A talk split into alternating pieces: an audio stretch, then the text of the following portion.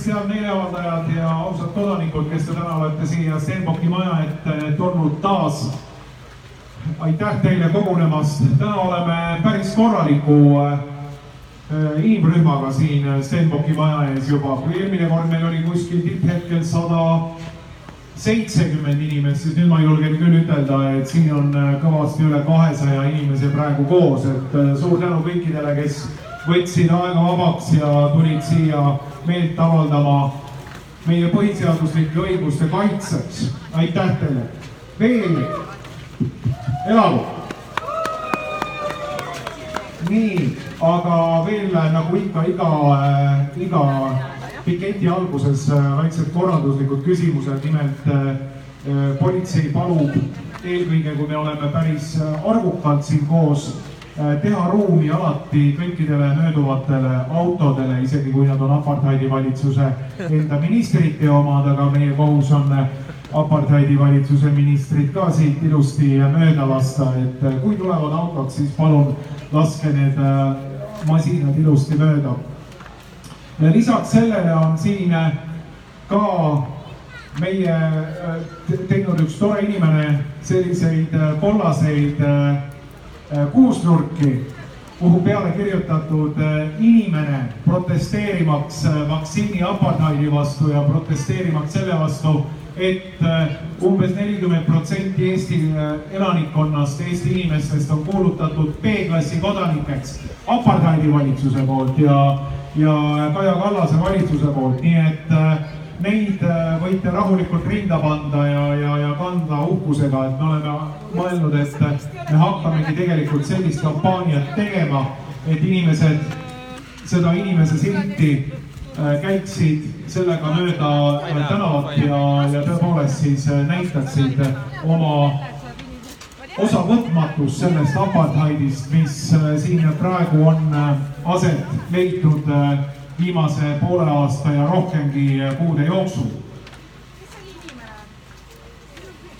nii et korralduslikud aspektid on äh, välja toodud. Äh, täna peame nagu ikka kõnesid kell üksteist alustame ja kell äh, kas oli pool üks või üks lõpetame, ma võin praegu eksida. kui kellelgi on see kollane vest, siis kollase vesti kandja on selline nii-öelda korrapidaja, et tema võib siis vaadata, et inimesed sealt autoteede eest ära tuleksid aga hakkame vaikselt pihta, hakkame pihta, et äh, kui paljud on siin juba olnud, paljud on selle meeleavalduse veteranid nii-öelda, äh, on käinud meie suurel meeleavaldusel kahekümne kolmandal, aga siin on ka tuttavaid nägusid juba äh, igast neljapäevast. Et see on selline natukene nagu perekondlik kogunemine juba siin igal neljapäeval, kus me avaldame tõepoolest seda, et valitsus on ära, avaldame meelt selle vastu, et valitsus on ära võtnud meie enda õigused need põhiseaduslikud õigused, mis äh, meile kuuluvad,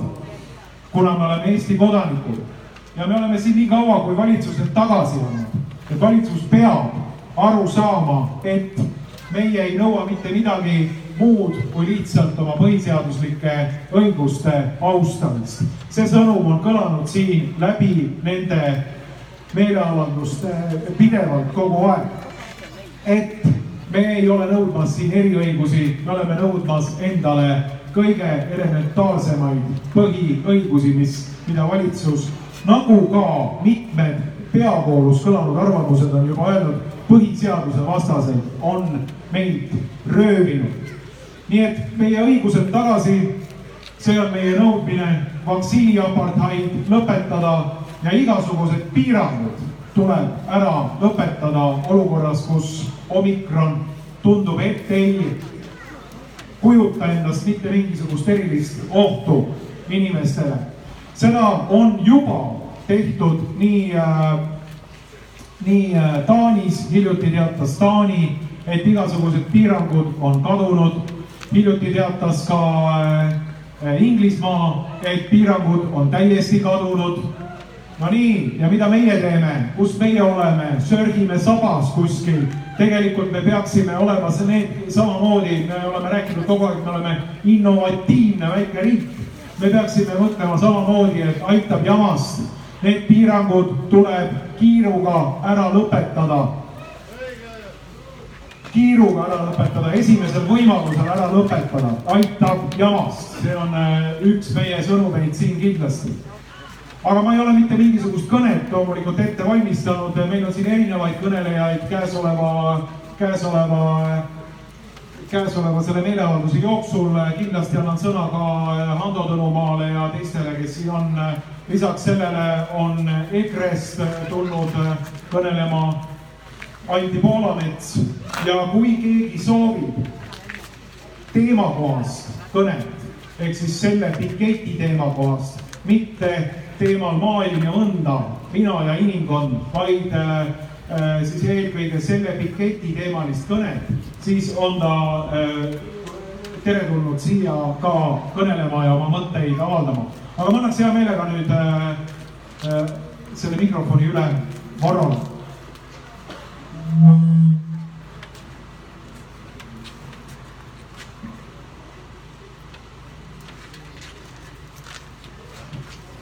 No nii, tervist, head inimesed, aitäh ka minu poolt, et olete kohale tulnud, suur tänu teile tõepoolest.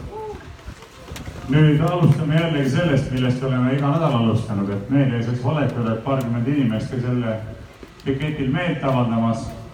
ja kuna me oleme ka välja öelnud, et me hakkame nüüd seda pikettide mahtu kasvatama täiesti teadlikult, siis silmaga hinnates ma arvan, et see piketil vist nii palju inimesi polegi varem olnud, on või? võib-olla esimestel midagi sarnast oli aastavahetusel tuli väike paus, aga nii palju minu meelest ei ole kordagi olnud, et tulge ka julgelt lähemale muuseas, et ei pea seal taga seisma, et võime seda esimest osa tõmmata siia ettepoole, et muidu olete jube kaugel. kuna see tänav on siin selline kitsas, siis tekib selline pikk, kipub tekkima selline pikk välja venitatud vorm sellel asjal. aga veel kord suur-suur tänu, et fakt on see, et mitte keegi ei tule meie ees seisma selle eest, et meile antakse meie põhiseaduslikud õigused tagasi et me kas teeme seda ise, seisame ise oma põhiseaduslike õiguste eest või siis lepime sellega, et meilt ongi meie põhiseaduslikud õigused ära võetud ja tagasi me neid ei saa. teatavasti on Kaja Kallas öelnud, et äh, vaktsiinipasside süsteem ehk meilt põhiseaduslike õiguste äravõtmise süsteem on tulnud selleks, et jääda. see on muidugi täielik vale. vaktsiinipasside süsteem ei ole tulnud selleks, et jääda just nagu ei ole Kaja Kallas ja Tanel Kiige valitsus tulnud selleks, et jääda. ja fakt on see, fakt on see, et see valitsus lendab siis Stenbockist majast välja ennem kui meie loobume oma protestidest, on nii? täpselt nii. Kaja Kallas ja Tanel Kiik ja kogu see kuritegelik pande seal valitsuses, teie aeg saab varsti ümber. fakt kui te ei usu mind, siis vaatame, kellel õigus saab olema, kas teil või meil. ennustan, et meil. tõsiasi on igal juhul see, et teie seal majas olete kurjategijad. olete nõus? mitte ülekantud tähenduses, vaid sõna otseses tähenduses. Kurjategijad võivad tegeleda poest asjade näppamisega, võivad tegeleda röövimisega, võivad tegeleda kelmustega võivad tegeleda isikuvastaste, varavastaste kuritegudega, aga nad võivad tegeleda ka sellise asjaga, nagu teie seal majas tegelete, see on samamoodi kuritegevus.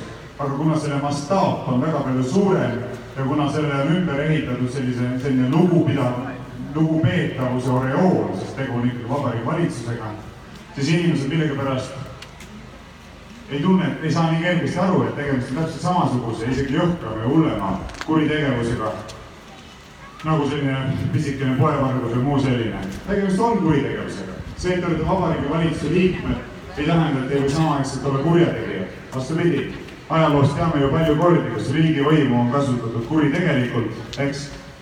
miks peeti Nürnbergi protsessi näiteks? sellepärast, et need inimesed, kes olid võimul, tegelesid kuritegevusega. Ja see ei ole aktsepteeritav. paraku on niimoodi, et kui inimesed on võimul siis prokuratuur näiteks ei ole eriti varmas alustama nende suhtes kriminaalmenetlust, sellepärast et prokuratuur ise sõltub sellest võimustruktuurist, mis parasjagu võimul on. aga tuleb aeg, mil need inimesed ei ole enam võimul. ja siis tuleb nende inimeste üle ka kohut mõista vastavalt kehtivale seadusele, on nii? Ja mida ütleb meie kehtiv seadus, paragrahv kaheksakümmend üheksa Eesti Vabariigis kehtivast karistusseadustikust ütleb väga selgelt, nagu näete seal, süstemaatilisel viisil või massiliselt ja riigi, organisatsiooni või grupi õhutusel või juhtimisel toime pandud inimõigustest ja vabadustest ilmajätmise või nende õiguste ja vabaduste piiramise eest, inimestelt alusetu vabaduse võtmise või muu väärkohtlemise eest karistatakse kaheksa kuni kahekümne aastase või eluaegse vangistusega. see on see, mida ütleb Eesti Vabariigis praegusel ajal kehtiv seadus. see ei ole mingisugune väljamõeldis, see ei ole mingi abstraktsioon, see on reaalselt kehtiv seadus, mis kehtib kõigile, kaasa arvatud nendele inimestele seal majas. ja kui need inimesed süstemaatiliselt võtavad ära inimestelt nende põhiseaduslikud õigused, tõrjuvad nad avalikust elust välja, võtavad neilt ära võimaluse jätkata oma karjääri, millesse nad on investeerinud näiteks kogu oma elu, kaitseväes, politseis, päästeametis, kiirabis, haiglates ja mujal, siis tegemist on sõna otseses mõttes inimsusevastase kuriteoga, seda enam, et nende inimeste võimalus jätkata oma karjääris, pannakse sõltuvuse sellest, kas nad lasevad endale süstida rõhutan, lõpetamata ohutusuuringutega aineid, mis on faktiliselt täielikult läbi kukkunud ja ei taga mitte nakatumist. on nii? ma ei mõtle seda asja välja. et kui te survestate ja sunnite inimesi laskma endale süstida lõpetamata ohutusuuringutega aineid ja selle survestamise, sundimise instrumendina võtate neilt ära põhiseaduslikud õigused, võtate ära neilt karjääri, töökoha, nende perekonna sissetuleku, tõrjute nad välja avalikust elust, ei luba neil osaleda ei spordivõistlustel, ei käia spordiklubides, ei kontsertidel, kinos, teatris, kohvikus, restoranis, muuseumis, mitte kusagil avalikus elus, siis te panete toime inimsusevastaseid kuritegusid. jah, me kõik teame, et inimsusevastased kuriteod võivad olla ka midagi oluliselt rängemad, võivad olla näiteks see, et süstemaatiliselt vägistatakse naisi või äh, vangistatakse ja piinatakse, aga sellega inimsusevastased kuriteod ei piirdu. Lugege veel kord paragrahvi kaheksakümmend üheksa karistusseadustikust, teie kurjategijad seal Stenbocki majas ja te näete, et teie tegevus vastab sellele koosseisule, fakt. ja ma ütlen veel kord, me peame nüüd hakkama seisma mitte selle eest, nagu Markus ütles ükspäev oma Facebooki postitusel, tegelik küsimus ei ole selles, kas meid peab lubama ninast sortimise järel osa võtta avalikust elust, eks Vabariigi Valitsus teeb praegu sellist nägu, et see on see küsimus, mida me nüüd hakkame arutama. Et kui teie lasete endale kohviku ukse taga ninast torkida, kas me siis äkki võime teid mingil tingimusel sisse lubada kohvikusse või mitte? sõitke seenele sellise jutuga. see ei ole üldse mingisugune küsimus, küsimus on selles, millal algab teie üle kohtupidamine seal majas. sellepärast, et te täiesti teadlikult ja tahtlikult jätate inimesed ilma põhiseaduslikest õigustest olukorras, kus selleks ei ole mitte mingit mõistuspärast õigustust just eelmisel nädalal ka valitsus, Vabariigi Valitsuse niinimetatud teadusnõukoja endine liige Krista Fischer tõi välja oma graafikutes, mis avaldati Delfis, nägite neid? Delfit muidugi ei ole hea mõte lugeda, aga meie oma tööst tulenevalt peame seda tegema. aeg-ajalt, nii vähe kui võimalik. jah, see on nagu politseinik, kes peab tegelema lastevastaste seksuaalkuritegudega, et jube asi küll, aga noh, tuleb teha, keegi peab tegema, eks menetlema neid asju eh,. igal juhul avaldas artikli, kus on graafikutelt selgelt välja toodud, et süstimata inimeste ja lõpetatud vaktsineerimiskuuriga inimeste nakatumisnäitajad on praktiliselt võrdsed. nägite neid graafikuid? kas teie seal majas nägite neid graafikuid? ma eeldan, et nägite, tegemist on teie enda teadusnõukoja endise liikmega, kes on ju suur autoriteet praktiliselt vahet ei ole, kujutate ette, need inimesed, keda pole üldse süstitud nende niinimetatud koroonavaktsiinidega, mida tegelikult keel hästi ei paindu vaktsiinideks üldse nimetama, pidades silmas, kui ebatõhusad need on.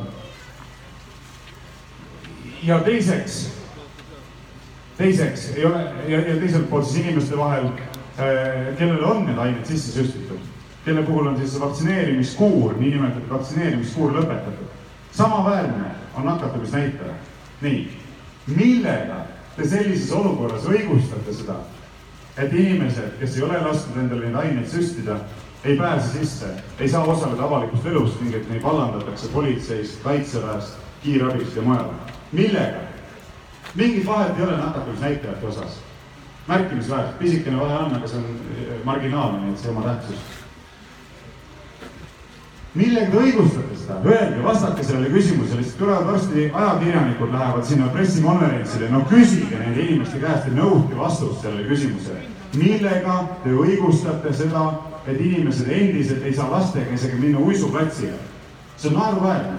ja küsimus ei ole selles, ma rõhutan, küsimus ei ole selles, kas ütleme nii, noh, lubame või ei luba või arutame, kas lubada või mitte lubada. küsimus on selles, et kui te sellist asja päevagi teete, siis see on seadusevastane ja karistatav tegevus. jätta inimesed ilma nende põhiseaduslikest õigustest, ilma tungiva põhjuseta, tungiva põhjuseta, on lihtsalt kuritegelik. saate aru?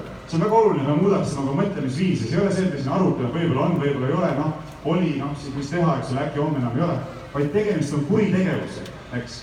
See ei ole nii, et mingisugune mees käib ja varastab muudkui poest ja ütleb, noh, jah, täna varastas, äkki homme ei varasta ja ma ei tea, kas peaks varastama või ei peaks varastama. ei, me teame, et see on kuritegu ja kuritegusid tuleb menetleda ettenähtud vormis. nii, üks sellest kurjategijatest, Kalle Laanet ja kurjategija. Teie olete kurjategija, üks kurjategijatest. Te võite ennast nimetada siseministriks ja kaitseministriks ja kelleks iganes. tegemist on kurjategijaga. Nii, kas me kardame neid inimesi? ei karda, kõige vähemalgi määral ei karda. ja ma mäletan väga hästi selle meie ülbet, irvitust siin mõned äh, aasta lõpus, eks sellel pikketil, kui oli. kui äh,, kuidas see olukord oligi? keegi, ta nõudis mikrofoni, keegi rahva seast hüüdis, et kuulge, meie maksame teile palka ja mida mees vastu nähvas. Teie ei maksa midagi, minge tööle. Need inimesed, kes tööl käivad, maksavad meile palka. Ja eriti piinlik oli seda vaadata, et siin kohapeal olid ka kaitseväe ohvitserid, kes on kinga saanud kaitseväest. sellepärast, et nad ei lase endale aineid sisse süstida. saate aru ülbust või? tegemist on kaitseministriga. kaitseminister ütleb lahti lastud ohvitseridele, et teie ei maksa mingit palka, teil pole töökohtagi. häbi, täiesti häbiväärne asi lihtsalt. aga noh, see näitab seda ülbuse taset, no meeletu ülbuse taset kas on üks inimene tulnud sealt majast välja, et meiega mingisse dialoogi astuda kogu selle aja jooksul? Mitte midagi, null, mitte siin, mitte mingil muul ajal, mitte mingis muus vormis, null, null, nii. aga kuhu me jäimegi? et, ühesõnaga tegemist on kuritegevusega. see on see, mida ma tahan rõhutada, pidevalt tahan rõhutada ja reaalselt käivad juba ettevalmistused selleks, et valmistada ette nende inimeste üle kohtupidamist, siis kui nad on võimupositsiooni minetanud. õige? tuleb teha tuleb teha. Ja see on asi, millest inimesed peavad hakkama aru saama, et siin ei ole asi üldsegi naljakas enam. kaugeltki mitte. aga ma tulen korraks tagasi selle Krista Fischeri graafikute juurde. ühesõnaga, sellest sai juba räägitud, et ei ole vahet, kas inimesed on süstitud või noh, lõpetatud niinimetatud vaktsineerimiskuuriga või on täiesti süstimata. nakatumine on samaväärne. no mis vaktsiinid need on, ma küsin. nii, ja nüüd teine oluline asjaolu, mis sealt graafikult samuti vastu vaatab vaatab vastu see, et selle niinimetatud omikron tüve kontekstis on küll läbipõdenute nakatumine tõusnud, aga fakt on see, et läbipõdenute nakatumine on oluliselt madalam kui lõpetatud vaktsineerimiskuuriga, niinimetatud vaktsineerimiskuuriga isikute nakatumine. mõelge korraks selle peale. on madalam, faktiliselt madalam kui lõpetatud süsti-, süstimiskuuriga inimeste nakatumine. mida peaks sellest järeldama, kellele peaks andma koroonapassi? Sellisel juhul. kui üldse kellelegi, siis nendele inimestele, kes on läbi põdenud, on nii. sest nende nakatumismäär on madalam, reaalselt madalam. haiglasse sattumise määr on madalam, nii. aga nad ei tee seda, eks. Nad ütlevad kuus kuud ja siis on läbi süstimispassiga kaksteist kuud.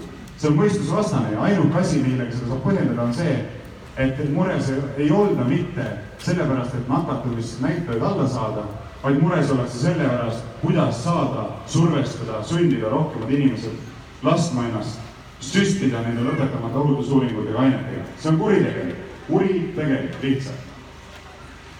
nüüd nende päästerõngas, ülekõrst, millest nad on kinni haaranud, on, eks ole, see, ja, ja, ja ega keegi pole ju kunagi öelnudki, et need vaktsiinid on mõeldud selleks, et vältida nakatumist. no naeruväärne vale, kuidas ei ole? Millega meid kevadel veendi veel laskma ennast süstida? sellega, et ikka nakatumismäärad on vaja alla saada ja karjaimmuunsus tekib siis ja nii edasi, me räägime sellest. me peame saama seitsekümmend protsenti süstimismäära, siin saavutame karjaimmuunsuse. vale, täielik vale millega seda õigustatakse, no tulid uued tüved, eks ole, et see muutis olukorda. jällegi vale, kas ei näinud ette, et tulevad uued tüved, kõik teadsid seda, kõik hoiatasid sellest, et süstimine on mõttetu, sest viirus muteerub ju nii kiiresti, et varsti te süstite inimestele aineid, mis on mõeldud tagamas, tagamas kaitset viiruse vastu, mis enam ei levigi. täpselt nii läks, täpselt nii läkski. kas nad ei teadnud seda? muidugi teadsid.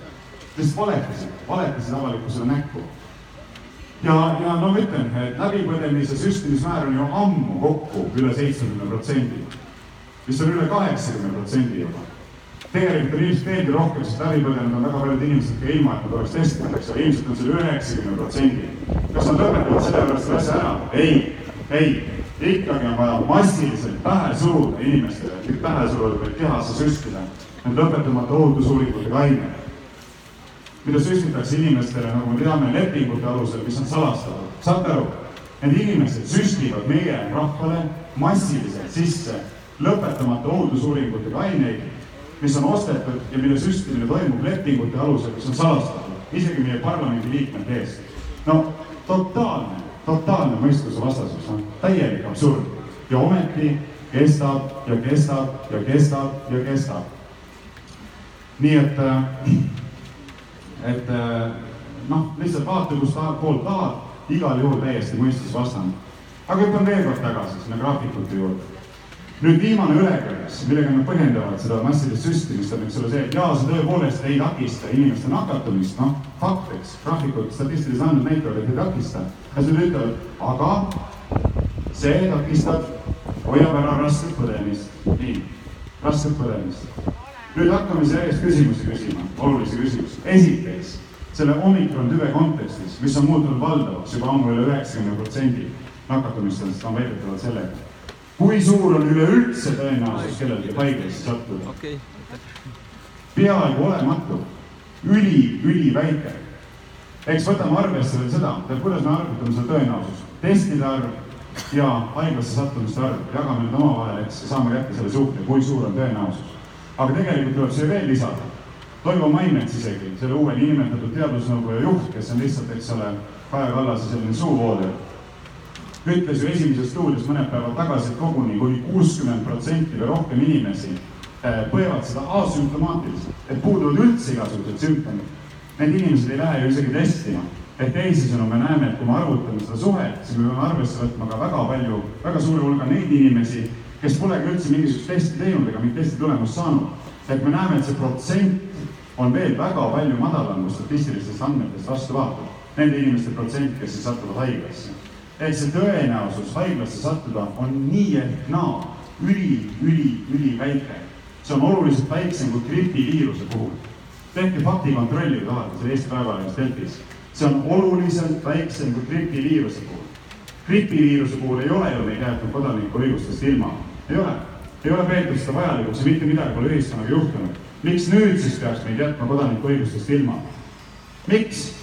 Põhjendage ajakirjanikud, küsige need küsimused jumala pärast, nagu õigustage oma ametinimetust.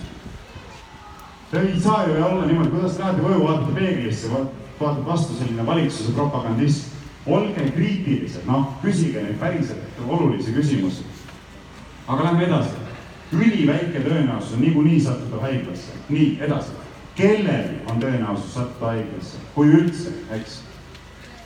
ülekaalukalt väga vanadel inimestel ma räägin, nende puhul on see ka väga väikese tõenäosusega, kui me nüüd vaatame seda tõenäosust, mis eksisteerib, siis me näeme, et see on ainult vanemas eagrupis. jällegi Krista Fischeri graafikutelt on see selgelt näha, näiteks minu vanusegrupis, ma olen neljakümne ühe aastane, seal on grupp kolmkümmend kuni kolmkümmend üheksa nelikümmend kuni nelikümmend üheksa, no ma pean, pean vaatama seda vahepealset punkti. see on kaduvväike, seal pole üldse mitte mingisugust tõenäosust haiglasse sattuda. ja kui me lisame siia juurde veel selle, et kui me räägime veel läbipõdenud inimestest, siis see tõenäosus on veel väga palju väiksem, sest nendel juba on olemas immuunkaitse. ja siia võib veel lisada asjaolusid, kui inimesel puuduvad kaasuvad haigused, tõsiselt kaasuvad haigused, siis see on veel väga palju väiksem, see tõenäosus. et kui me kõik need asjad ritta laome, siis me näeme, et seda tõenäosust praktiliselt ei eksisteerigi või see on lihtsalt niivõrd marginaalne, et see pole isegi võrreldav gripiviirusega ilmselt on see kordades väiksem, kordades, ma ei ole ise neid statistilisi analüüse teinud aga ma rääkisin inimesega, keda Musalani, kes on selle numbritesse vaadanud, ütles, see on kordades madalam. nii. ehk kõiki neid asjaolusid silmas pidades ei ole absoluutselt mitte mingisugust mõistuspärast põhjendust, millega õigustada seda, et meid tõrjutakse jätkuvalt ühiskondlikust elust kõrvale, et inimesi vallandatakse politseist, kaitseväest, päästeametist, kiirabiteenistusest, haiglatest ja mujalt ja et inimesi trahvitakse selle eest, kui nad ei ole nõus kandma avalikus ruumis neid lappe näo ees, mis on muutunud, eks ole, selle apartheidi režiimi sümboliks. täielik sigadus, sigadus, nõus? ja ma ütlen veel kord, et äh, ühelt poolt ma kutsun ka politseinikke üles sellele, et ärge olge nõus sellega, et teid allutatakse sellele, et te peate olema selle apartheidi režiimi instrumendiks. ärge olge nõus sellega, et te peate käima bussides, trollides, trammides, kaubanduskeskudes ahistamas inimesi, kes ei ole nõus kandma seda apartheidi režiimi sümbolit. seda esiteks. aga teiselt poolt ma ütleks ka ise otse politsei juhtkonnale, et kuulge, ärge tehke seda, et te surute. no näed, järg, järjekordne inimene, kes on saanud trahvi täna selle eest.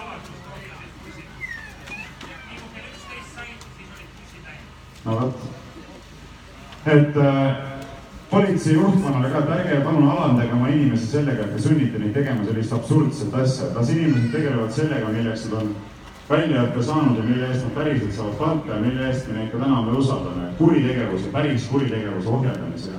ei ole mõtet politsei autoriteeti lõhkuda ja õnnestada sellega, et saata inimesed äh, bussidesse maski kontrollima. mul oleks tegelikult selge sõnum Elmar Vaherile praegu mõtlesin. kui te tahate oma inimesi niimoodi alandada, siis näidake ise eeskuju minge ise, võtke mask eest ära, minge oma näoga äh, kaubanduskeskustesse inimestele, vaadake silma ja tehke nendele trahvi, tehke selle lapse vankriga emale trahvi. suruge ta politseiautosse, viige ta ära, eks ole, tehke ise seda asja. mida te oma inimesi alandate selliste asjadega, tõesti piinlik lihtsalt. ja no mida, mida veel öelda, mida veel öelda, siin võikski jääda rääkima, aga aga nüüd on tulnud see tund, kus me ei saa selle asjaga enam leppida. Taanis tühistatakse kõik piirangud, Ühendkuningriigis tühistatakse piirangud järjest riigid hakkavad piiranguid tühistama, sest näevad, et nad on selgelt mõistusevastased ja südametunnistus ilmselt ilmutab mingisuguseid ärkamise märke, ütleb, et rohkem ei saa. nähakse ka seda, kuidas inimeste kannatus hakkab katkema ja meie peame sedasama asja näitama. täna meil on siin juba, no ma ei tea, tõesti, ei oska niimoodi öelda, aga võib-olla on isegi kolmsada, kakssada, kahesaja, kolmesaja vahel. aga teeme nüüd ikkagi niimoodi, et järgmine nädal toome igaüks veel vähemalt ühe inimese kaasa, eks. räägime oma sõprade, tuttavate, kolleegidega, ajame selle tänava täiesti umbe kui vaja, siis toome siia suuremad kõlarid, toome poodiumi, et oleks inimestel näha, kes kõnet peab ja mida räägib. ja hakkame, hakkame nüüd seda kasvatama, teeme nii. igal juhul veel kord selge sõna sinna majja. Te olete kurjategijad, me teie apartheidi režiimiga mitte kunagi mitte ting, mingil tingimusel ei nõustu ja teie aeg saab ümber ennem, kui meie oma protestid lõpetame, kui te need piirangud ei lõpeta. aitäh teile ja kohtumiseni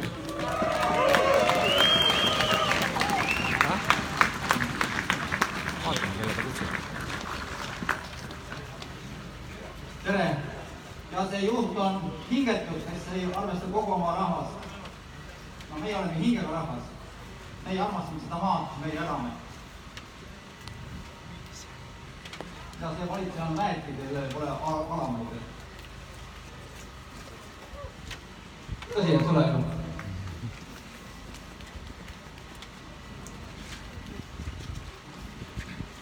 aitäh sulle. Tere kõigile, üliägedad märgid on kõigile rinnas. kuusnurgad, inimene, väga õige, hea sõnum.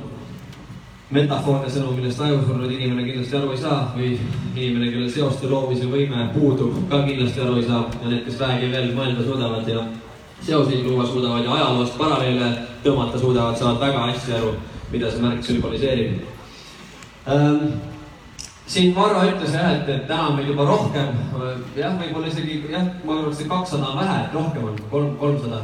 julgen kindlasti öelda ja, ja mul tulevad meelde nüüd need kevadised meeleavaldused, kus meid oli parematel päevadel tuhat või isegi üle selle. ma saan aru, ilm oli parem ja kõik, aga vaadake, siis oli see nagu justkui leek põles, eks ole, nüüd on pikka aega mingi selline väike tummik seltskond hoidnud seda seda sütt hõõmumas, nüüd on aeg see uuesti tulele puhuda.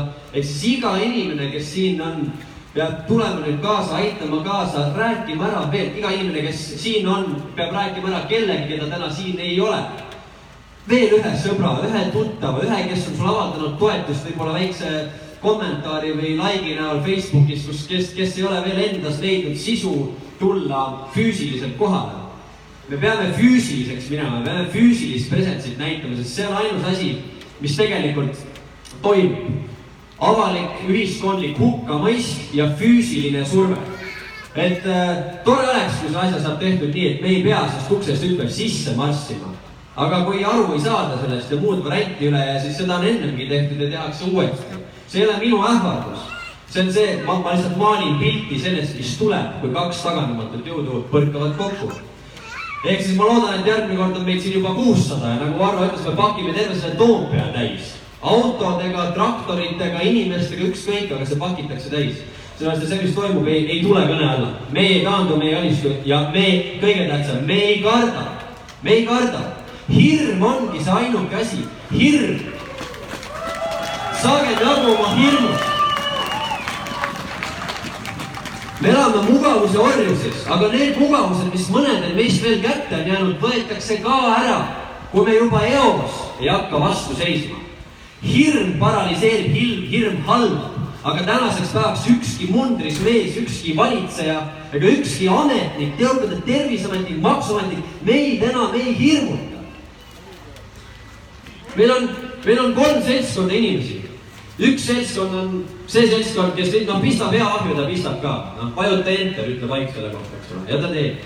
teine seltskond on see, kes justkui toetab meid, elab kaasa, eks ole, aga ta kardab liialt teha, vali, teha seda teist valikut. ta läheb ikka igaks juhuks kaasa, sest no mis ma teen, ma tahan reisima minna, sõbrad, kes pole seitse aastat mul reisinud, räägivad, et nad tegid süsti ära, sest nad tahavad reisima minna. sa ju ei reisi, sa leidsid tobeda, jabura, materiaalse mingisuguse argumendi, et ära õigustada enda tehtud viga ja nüüd sa põhimõtteliselt vabandad juba minu eest, sa õigustad mulle seda viga, et noh, ma tegin ainult sellepärast, et reisida. ja siis on kolmas seltskond inimesi. laseme auto mööda. siis on kolmas seltskond inimesi, kolmas seltskond inimesi on need meiesugused inimesed siin Need on need inimesed see on see seltskond, kes ajab selja sirgu, kui on vaja selg sirgu ajada ja need on, see on see seltskond, kes on ajaloos ja, ja ka tulevikus teeb seda alati pööranud ümber autoritaarse režiimi, alati kukutanud türannia. meie oleme see seltskond. aitäh teile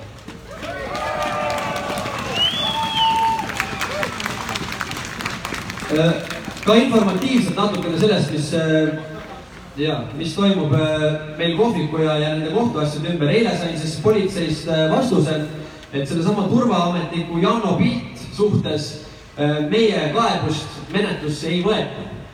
sellepärast, et puuduvad igasugused alused, noh vaatasin, lugesin selle kirja läbi, pikk kiri, aga põhimõtteliselt millele siis tuginetakse, meie esitatud argumendid ja seisukohad jäetakse mugavalt adresseerimata üldse ja räägitakse sellest, kuidas Janno noh, ei teinud lapsele liiga ja puuduvad igasugused kuriteo tunnused.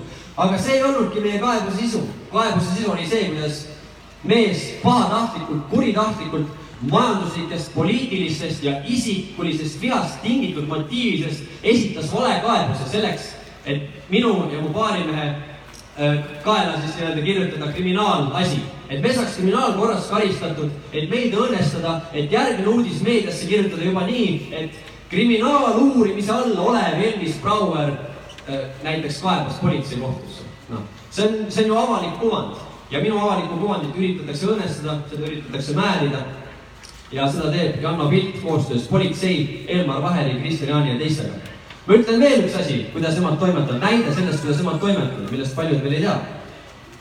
meil oli siin elektri hinna äh, tõusu vastu äh, korraldatud äh, meeleavaldus ja sain mina siis info selle kohta, et antud meeleavaldusel oli palgatud turvafirmaks seesama Event Sex Security, kes blokeerib praegu Memcafe'd. ehk siis EKRE-le ja selle meeleavalduse korraldajatele söödeti ette üks isik ühe isiku, ühe, ühe mehe firma, kes tegi omakorda allhanke ja siis meilivahetuses tuli välja, et sedasama taheti kohale tuua need kollastes mundrites Eventseki vormi kandvad mehed. ja mõtle, mõelge siis, millise kivi oleks saanud visata minu ja meie kapsaaeda, et näete, Nad justkui avaldavad Brauerile toetust ja seisavad nende põhimõtete eest, aga samal ajal palkasid ise siia meid üritust turvama sellesama turvafirma. see on täpselt Elmar Vaheri käekiri. See on see, kuidas nemad toimetavad. ma, ma ei hakka pikalt rääkima, täna on rohkem inimesi siin kõnelemas, kes saavad sõna saada. aga kõige tähtsam asi on see, et need inimesed võetakse vastutusele. mul küsiti ka politseis uurija küsis et kas mul on mingisugune must nimekiri ja ütles mulle ka, et kahjuks pean mina seda uurimist läbi viima. must nimekiri on, muidugi on. Ma arvan, paljudel meist on see must nimekiri juba ammu koostatud. Ja kõik need nimed, need rinnasildid, kõik need apartheidi režiimi kehtestajate nimed lähevad ka meie andmebaasidesse. Ja tuleb päev, kui nad võetakse vastutusele. Just sellesama paragrahvi kaheksakümmend üheksa alusel, mis on inimsusevastased kuriteod. ja kui mul küsiti Objektiivi saatesse välgatused Indrek Peterson küsis, et kas ma ei oleks saanud kuidagi asju teha teistmoodi, näiteks mingis, mingi koha pealt suurt kinni hoida ja võib-olla teha kompromisse, siis ei, kompromissi tegemine ei ole see, kui mulle antakse ette terve pikk nimekiri ettekirjutusi ja korraldusi ja öeldakse, et kompromiss on see, et ma pean eranditult kõik need nendest täitma. see ei ole kompromiss. ja nende seisukohtades me ei tee mitte ühtegi kompromissi kuskil enam taganenud ei ole, nüüd marsime vapralt julgelt kõik koos edasi. aitäh teile.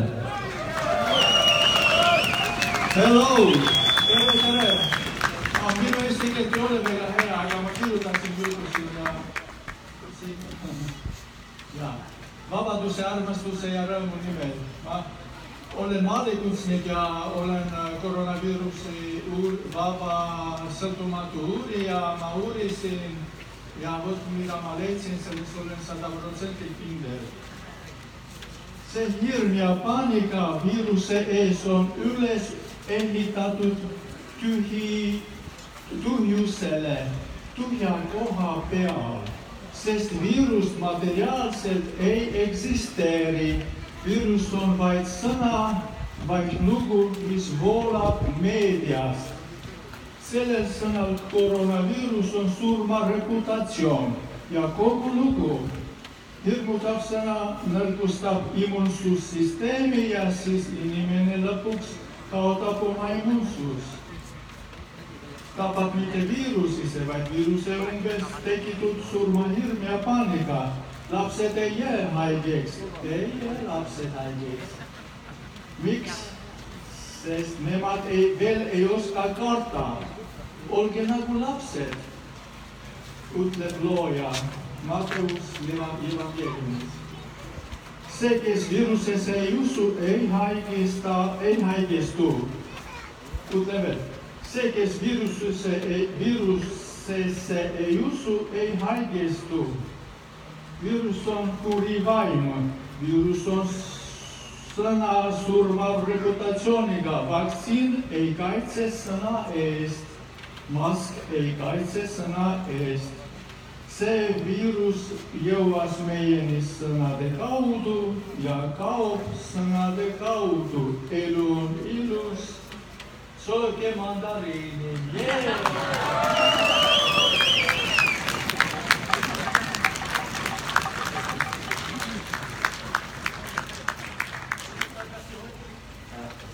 jätkame kohe kõnedega. Aitäh kõigile juba seni kõnelejatele, aga mul on üks väike ettepanek. mul on üks väike ettepanek, et veel kord, me teame, et meediale meeldib kangesti valetada selle kohta, kui palju meeleavaldustel ja pikettidel inimesi kohal on või siis seda ignoreerida. aga mis oleks, kui koguneks korraks siia maja ette, teeks ühe ühispildi ja siis võtame informatsiooni tagasi ja jätkame sõnavõttudega, eks ju? siit saab päris kena pildi ja las nad vaatavad seda kui väike pikett siin oli.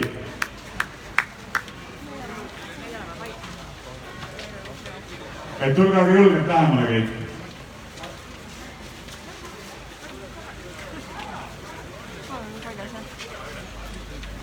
ikka.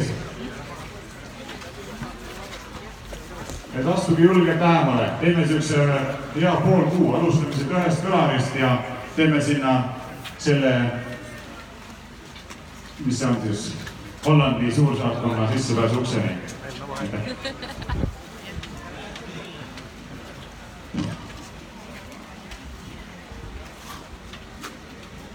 Tulge, tulge julgelt lähemale kõik. siis saab kõrgelt mõned head pildid teha võtame veel terve ruumi, lähme sinna natukene tahapoole ka, seal on veel tühja maad küllaga. ja see saab olema väga kõnekas, näha, kuidas rahva, rahva hulk kasvab. tulge, tulge siit sinna äärest ka muidu teie pildi peale, tulge siia keskele, keskele kokku.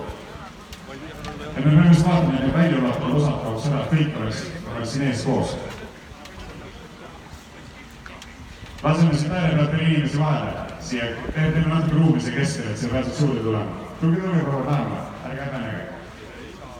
tulge, tulge, tulge, tulge. nii, saab pilti teha. ma lähen, võtan ise ka mõned pildid.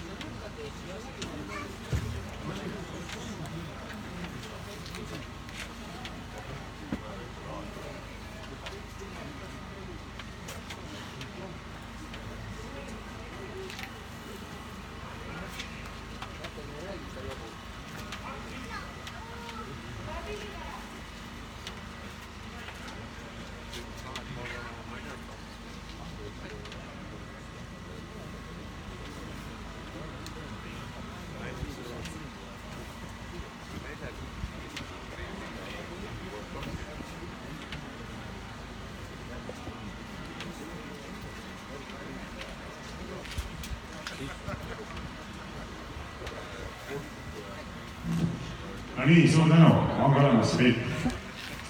ja muuseas veel, siit saab neid äh, inimese märke, võtke julgesti, rinda.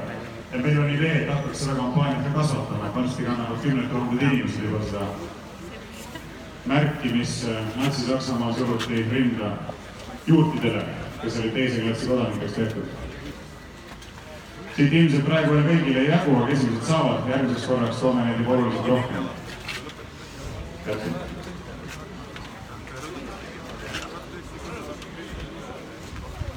äkki liigutab nende kätte? jaa, et see märk on väga oluline sümbol, et tõepoolest see, mida meie Ja Tanel Kiige valitsus teeb, on täpselt sama, mida noh, olulises aspektides, mida tehti Natsi-Saksamaal juutidega. et suur osa ühiskonna liikmetest kuulutatakse teise klassi kodanikeks ja tõrjutakse avalikust elust välja. Natsi-Saksamaal samamoodi juutidel keelati kohvikute, restoranide külastamine, avalikes kohtades käimine sellepärast, et neid peeti ühiskonna ohtlikuks elemendiks, eks. et näete, ajalugu mingis mõttes alati korduv ja samasuguse joonega tuleb esile.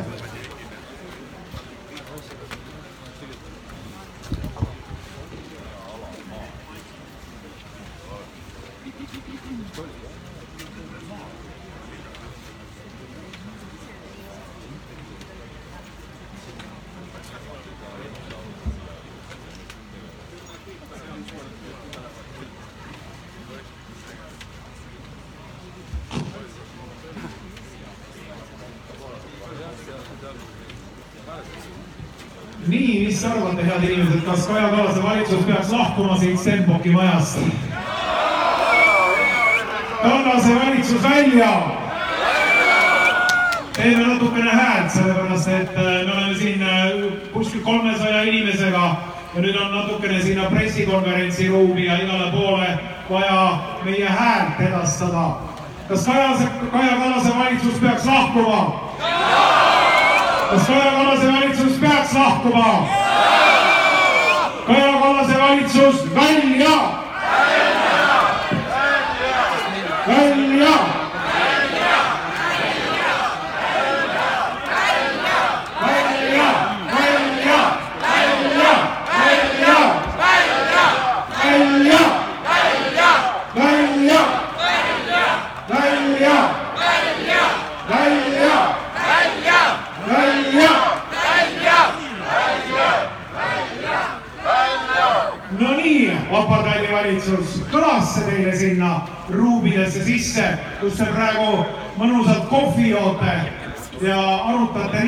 Kas peaks neljakümnele protsendile inimestest võimaldama peale ninast surkimist äh, erinevaid äh, teenuseid või mitte kas kaaluda erinevaid argumente, et kas ikka peaks ikkagi inimesi pubisse laskma peale kahekordset testi või mida, mingit paganama testi.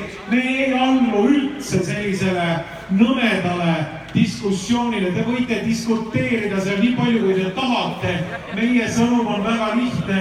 Te tühistate need piirangud, aitab nendest piirangutest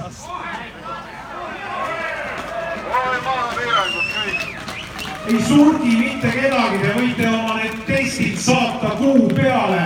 me tahame lihtsalt normaalselt inimestena, kodanikena, kellel on põhiseadused, põhiseaduslikud õigused käia omaenda maal ringi nende seaduste, meie põhiseaduslike õiguste raames, mida meile on andnud meie põhiseadus. saate aru, Kaja Kallas, apartheidi valitsuse liige, apartheidi valitsuse peaminister on see arusaadav, küll te kuulete meid, me teame küll, et te kuulete, siin on kolmsada inimest täna kohal, aga võib-olla siia tuleb viissada inimest järgmisel korral.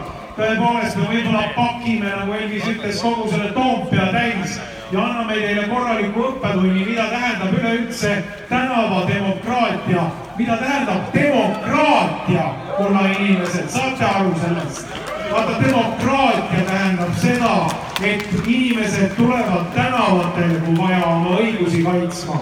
Teie olete tagurlik valitsus, te olete Eesti Vabariigi kõige tagurlikum valitsus, mis on kunagi äh, siin Stenbocki majas istunud. Te olete tagurlased, teie liberaalid, enda arvates liberaalid Te olete inimesed, kes on võtnud ja röövinud neljakümnelt protsendilt Eesti Vabariigi kodanikest ära nende põhiseaduslikud õigused. sellist, sellist jama pole teinud mitte ükski valitsus Eesti taasiseseisvumise jooksul. eile Kaja Kallas vaatas tagasi öö, oma aastasele valitsusperioodile ja ütles välja seda, et öö, Eesti on tulnud tagasi. Eesti on tulnud tagasi. no nii, mida te kostate sellise, sellise asja peale, kuna inimesed, et Eesti on lõpuks tagasi tulnud.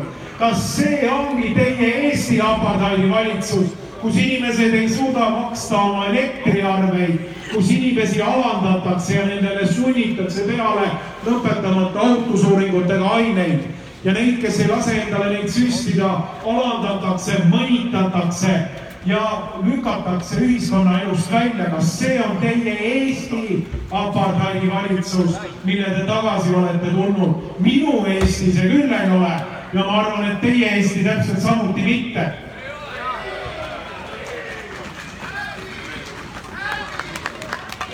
häbi, Kaja Kallase valitsus, tõepoolest häbi! häbi! Happy! Happy! Happy!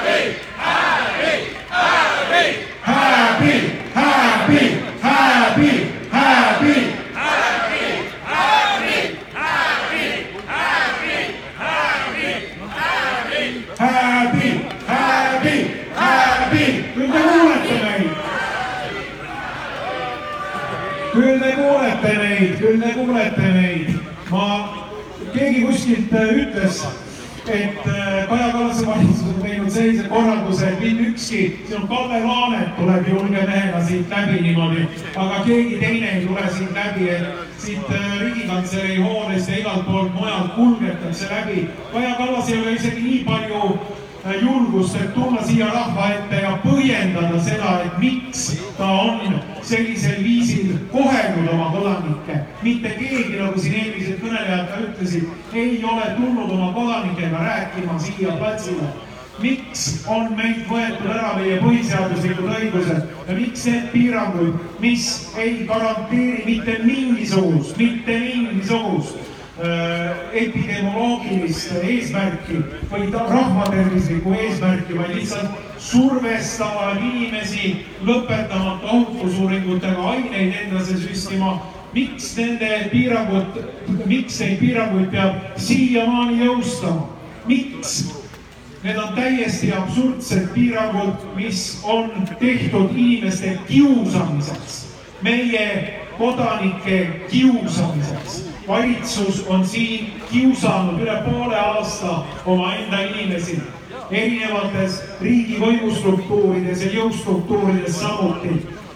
politseis, kaitseväes on kiusatud inimesi selle asemel, et äh, normaalselt kuidagigi hakkama saada ütelda, meil on tippspetsialistidega tegu, kes, keda me ei saa siit äh, meie enda kaitseväest välja visata, on lihtsalt Martin Herem ja teised tegutsenud selle nimel, et visata üle kahesaja inimese Eesti kaitseväest välja olukorras, kus meie enda julgeolek on praegu ohus. no tere talv, mis asi see on? see on kiusamine, see on Eesti kaitseväe ja kaitsevõime äh, täielik äh, nõrgendamine. niimoodi ei saa teha see on sigadus, Kaja Kallas, see on sigadus, teie olete esikiusaja Eesti Vabariigis, saate aru? ja mitte ainult ei ole te kiusaja, vaid te olete ka kriminaal. nii nagu on räägitud siin, me hakkame muuseas arutama seda küsimust rahulikult, me ei hakka arutama seda, kas peale testi või enne testi me saaksime oma tassi kohvi kuskil istuvas asendis nautida. ei, seda me ei hakka arutama. See ei ole küsimus, mis, mis peaks olema oluline meie arvates. me hakkame arutama seda, kui palju vabariigi praeguse valitsuse ministritest, kui palju näiteks ametiisikutest ja kui palju äh, poliitikutest ja äh, näiteks äh, ka teadusnõukoja liikmetest tuleks inimsusevastastes kuritegudes süüdi mõista. me hakkame ühiskonnana seda arutama. See on meie nii-öelda uus diskussioonikultuur nüüd praegu, aitab küll jamast, aitab küll jamast, me arutame seda mitte ei aruta siin seda, kas kedagi torgitakse või ei torgita või kedagi äh, siis äh, testitakse enne kohvi joomist või mitte. Teie ei luba siin mitte midagi. meil on oma õigused, saate aru? Õigused kas on või ei ole, valitsus ei anna inimesele õigusi kui on olemas valitsus, mis annab inimesele õigusi, siis me eeldame seda, et valitsuse alamad on orjad, millele valitsus kingib õigusi. ei, meil on sünnipärased õigused Eesti Vabariigi kodanikena. meil on sünnipärased õigused ja meil ei ole lihtsalt, see ei ole lihtsalt see, et valitsus kingib meile heast peast või võtab ära neid õigusi. ei võta, meil on need õigused olemas.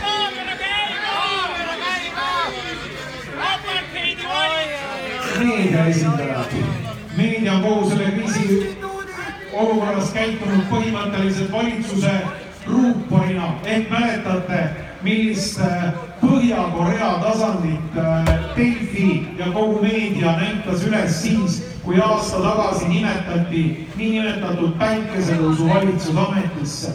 mäletate, milliseid pilte meedia lülitas päikesetõusu valitsusest, kuidas äh, Kersti Kaljulaid näitas päikese poole täpselt niimoodi, nagu ma ei tea, Kim Jong-un kuskil äh, äh, Põhja-Koreas kukuisturi sellise asja peale. Võib Eesti Vabariigis ainult naerda või siis tegelikult tuleks nutta, et meil on selline õukonnameedia, kes on sellisel viisil ennast planeerinud.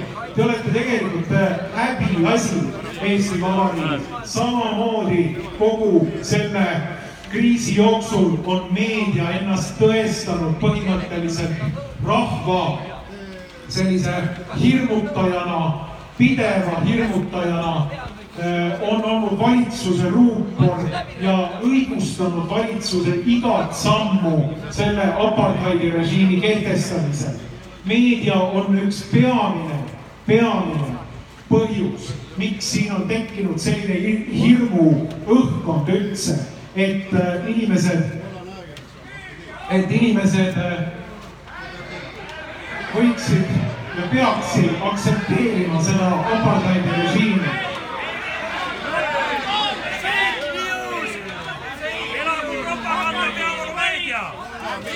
nii et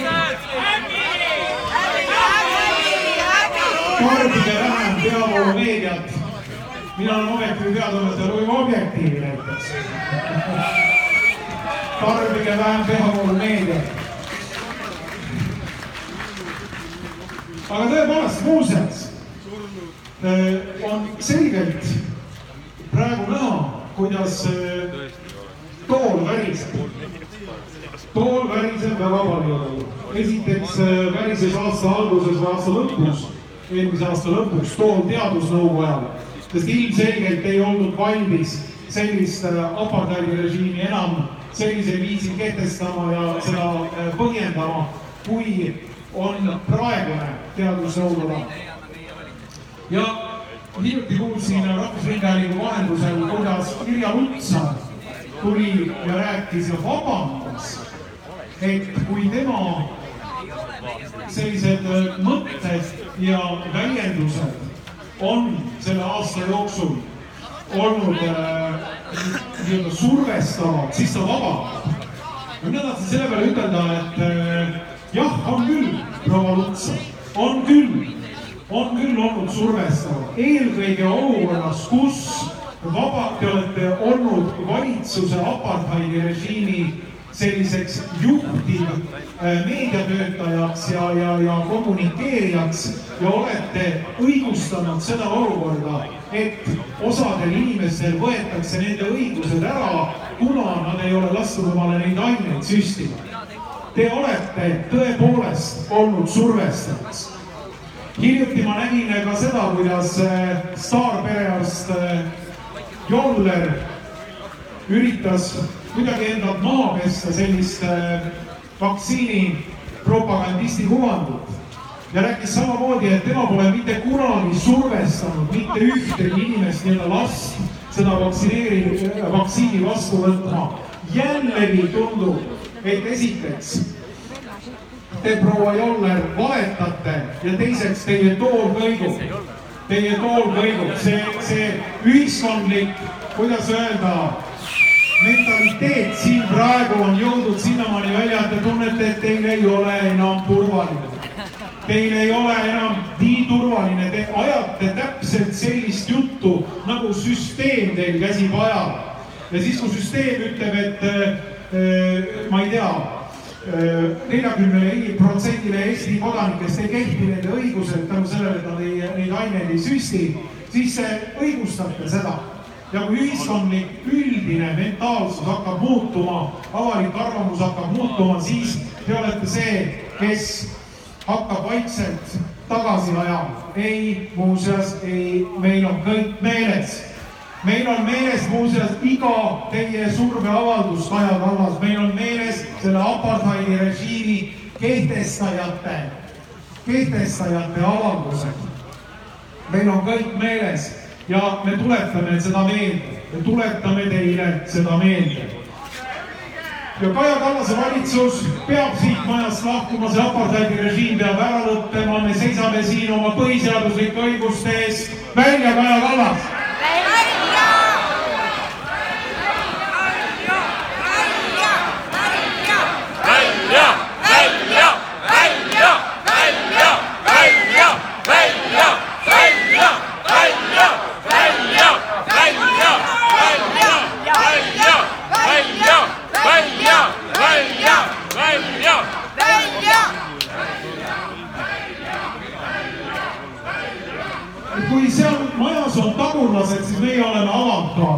ühiskondlik avantgaard, meie oleme need, kes nõuavad äh, kodanikuõigusi ja äh, tahame neid tagasi endale, meie oleme avantgaard, teie seal olete tagurlased. Teie olete mõistetud ajaloo prügikasti, Kaja Kallas, välja. aitäh teile, head inimesed, ma annan nüüd sõna edasi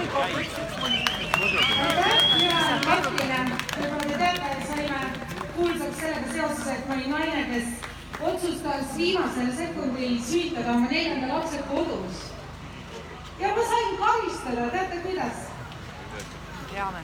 ma sain karistada sellepärast, et äh, ma ei oleks jõudnud Tallinnasse kuuekümne kilomeetri, kuuskümmend pluss kilomeetri kaugusele sünnitama. ja ma sain karistada veel kord selle eest. ma ei saanud sünniakti. sellele järgnes äh, neli kuud striiliträlli ja Varro aitas siis äh, lõpuks saada oma meeskonna abil siis äh, lapsele isikukoodi. aga mida ma tahan öelda, et sünnipärastest õigustest räägime. laps nime veel ei ole saanud, kohtuistung läheb alles edasi. selle peale ei mõtle mitte keegi, et äh, minu arust on seesama valitsus seisnud selle eest, et et äh, sünnitada üldse ei saagi kuskil mujal ainult Tallinnas ja Tartus.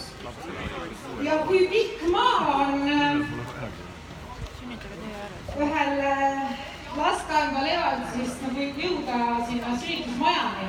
ja siis need naised, kes sünnitavad sõna otseses mõttes kodus või kuskil ristmikul või maantee peal või kiirabiautos, et see on siis nagu õigustatud. et äh, seda ma tahtsin öelda, et tuleks natuke mõelda ja kaitsta, ma tean, et neid lapsi on veel, kes on sündinud kodus ja ma tahan julgustada naisi, sest tegelikult Ida-Tallinna Keskhaigla ja see, miks ta seda isikukoodi ei andnud, oli see, et või sünniakti, et nad jäävad rahast ilma. kõik on rahas. tegelikult meile valetatakse, et oi, nad ei näinud, nad ei tea. minu see lugu on selles mõttes nagu eriskummaline, et mitte midagi imelikku ei olnud, ma läksin ju abikaasa ja vastsündinud beebiga Ida, Ida-Tallinna Keskhaiglasse teda ette näitama. aga seal tehti nägu, nagu ei oleks nähtudki. ja kuna mul on kolm last veel, ma tahtsin laste eest rääkida, kes käivad äh, väikeses äh, maapõhikoolis. ja mulle tegi muret see, et äh, hoolimata sellest, et ma olen keelanud oma lapsi testida, nõuti kolmapäeval, et mu lapsed teeksid testi koolis. Nad ei läinud kooli. ja ma tahan öelda, et meie täiskasvanud inimesed, et meie saame keelduda sellest testist, eriti siinolijad, aga lapsed, nendel on hirm selle ees, et kas tuleb see positiivne test või mitte. ja, ja meie sajapealine kool, eks ole, on ainult pooled seal et ja, ja muide need lapsed, kes on saanud positiivse testi, loomulikult nad mitte haiged olnud, mitte rohutud mitte. et me peaksime rohkem seisma nende eest, ma ise tunnen emana, et, et lastel ei mõtle keegi, ma juhtusin eile nägema ühte täiskasvanut justkui ilusat tervet meest, aga kannatab väga räiget ärevushäirete all ja see segab tema elu. ja just sellepärast, mis praegu toimub aga see oli täiskasvanud inimene. mõelge, mida meie lapsed mõtlevad. laps jättis taha kooli minna, sellepärast et ta sündis testima. palun seisame nende eest ja, ja lõpetame ära sellega laste koolides testimise ja kiusamise. ja, ja jumala eest, palun, kui te näete mõnda rasedat, kes käib maskiga, öelge, et ärge pange seda ette. no ma tean enda käest seda, jällegi tuli vahele see mõte ma lihtsalt, mul on väga kurb vaadata, et me hoolime justkui kellestki teisest, aga mitte sellest, mida kannavad need naised, see on see väike elu. me laseme tal sündida seal, kus ta peab sündima, kus ta tahab sündida ja ärme lase karistada neid naisi, kes on, kes ei vaja kiirabiteenust selleks, et haiglasse jõuda ja nii edasi. et äh, olgem tähelepanelikud ja kaitskem lapsi ka, et minu laps on väärt, ma pöördun oma lapse juurde, aitäh teile.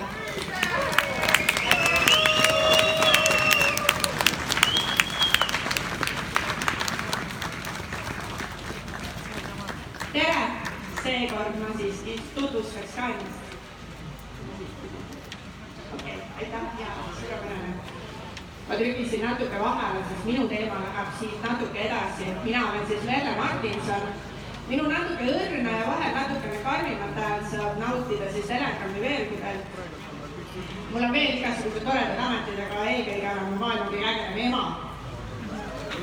nagu selline naine seal ka mina vaatasin, piilusin natukene see nädal uudiseid ja tekkis sihuke anekdootlik äh, olukord, kus mul oli äh, üks sihuke lugu tuli meelde, et mees sai nõia juurde, kaebab, kuidas tal on jube õudne kodus olla, et lapsi nii palju ja kitsas ja tee midagi. nõid ütleb, okei okay,, võta teile kits. mees võtab kitse, tuleb paar nädalat pärast tagasi, et issand, õudne veel kohutavam on, igal pool on jama laiali, kits teeb veel kohutavaks kõik asjad. nõid ütleb, aga anna kits ära. ja mees on kohe õnnelik kui ma vaatasin uudiset, siis mul tahetakse täpselt samasugust kitse nagu siia tuppa pressida. ehk siis äh, anname sulle vabaduse, aga sulgi nina.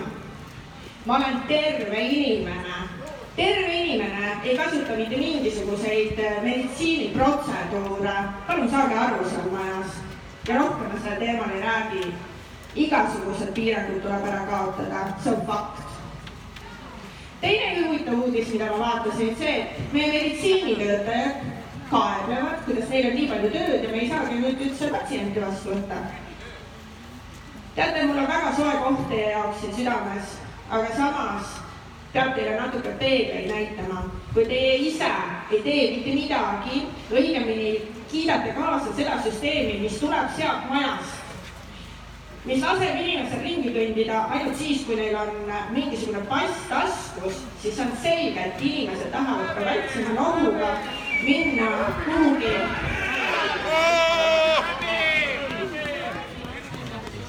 kuhugi ennast testima, selleks, et seda passi saada ja siis ongi ülekoormus. Väikese nohuga inimene peaks kodus istuma, natukene endale au tegema kompresse ja muid asju, aga mitte ratsutama mööda mingisuguseid testimispunkte ja teie ise olete sellele alla kirjutanud, siis andke andeks, aga ei ole mitte millegi üle ka vinguda, eks ole meditsiinitöötajad võiks natukene tähele panna ka seda, et missugused huvitavad uudised on järjest, eks ole. kui sul on ühelt poolt, kuidas haiglad on metsikuid kasumeid kahe aasta jooksul suutnud kokku kraapida, siis on see, kuidas pannakse igasuguseid äh, osakondi kinni, vähendatakse voodikohti ja siis on see hala, et issand jumal, et ei saa hakkama. kas te ise ei näe seda loogikat? kui te ei näe ja kui te ei hakka vaatama oma ülemuste poole ja küsimusi esitama, siis sorry, aga minul ei ole ka midagi teha ja sellel rahval, kes siin on, me peame kõik ise ikkagi vastutama oma asjade eest. Laupäeval läks mulle tohutult, tohutult äh, hinge Varro Vooglaiu äh, kõne ja teema passiivsusest. ja see on ka see koht, kus ma näen, et Eesti rahvas on ikka veel kuidagi leige. kas te panete tähele, et nad on ammu meie laste kallal? panete tähele? kaksteist kuni kaheksateist on ka lapsed, kes vajavad meie tiiba, kus meie oleme? Rahvas, kus te olete, see ei ole siia sellele rahvale, aga see, kes on ekraanide taga igal pool, kus te olete? pommivarjendites, aga lapsed saadeti välja. nüüd nad on juba ammu viieaastaste kallal. see nädal tuleb nii palju kirju teemadel, kuidas lastel, seitsmeaastastel kästakse koolis panna maskid ette terveks päevaks. kus te olete, Eesti rahvas? Mulle ei tundu, et te saaksite aru üldse sellest, et nad on meie laste kallal. hirm, millest ka Elis rääkis. hirm on see, mis takistab. ma mõistan seda. teate, kes on kõige suurem jänes maailmas? mina. mul praegugi käsi väriseb kui minul tuli eelmine aasta aprillikuus, et sihuke tunne, et ma pean tulema kõnelema Toompeale, ma ei mäleta sellest kõnest mitte midagi, poole peal. ma ei suutnud lehte keerata. oli Tanja Rüüdemann, kes tuli, püüdis kinni, kallistas mind, ma võtsin hetke ja ma rääkisin lõpuni. ma oleks peaaegu ära minestanud sinna. veel siin detsembrikuuses kõneledes ma värisesin nagu haavaleht ja üks hästi äge haiglas oli, kes käis mu selja taga ja kes andis natukene viiteid, et kuidas, kuidas edasi minna. ja ma tegin selle kõne lõpuni. minus on tohutu palju hirme, aga see ei tähenda seda, et ma laseksin neil enda elu dikteerida.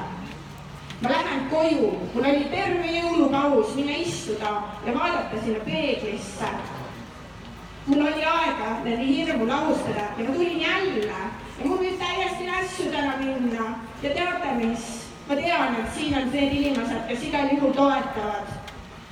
ja ma ei pea kartma. kui sa ei tea, kust alustada, tule siia. siin on midagi nii ilusat, sellepärast et nii erineva taustaga inimesed on siin nii hoitud, nii austatud sa tunned seda toetust ja sa julged minna, sa julged kirjutada kooli juhtkonnale ja nõuda, missuguse teaduse alusel ta topib sinu lapsele maski ette, sest me peame hakkama iseennast näitama päriselt, julgema neid küsimusi esitada neile, kes sunnivad, kes, keda kasutatakse ka käpiknukkudena selles süsteemis me peame natukene hakkama neid raputama ja panema neid märkama, et nad vastutavad ja nad peavad andma samamoodi vastust, mitte lihtsalt käsku täitma. see julgus on meis kõigis olemas. leiame ülesse see sügi, südames olev tuli. mitte keegi teine ei saa seda sütitada kui sina ise. ja ma loodan tõesti, et järgmine nädal on siin vähemalt viissada inimest aitäh teile!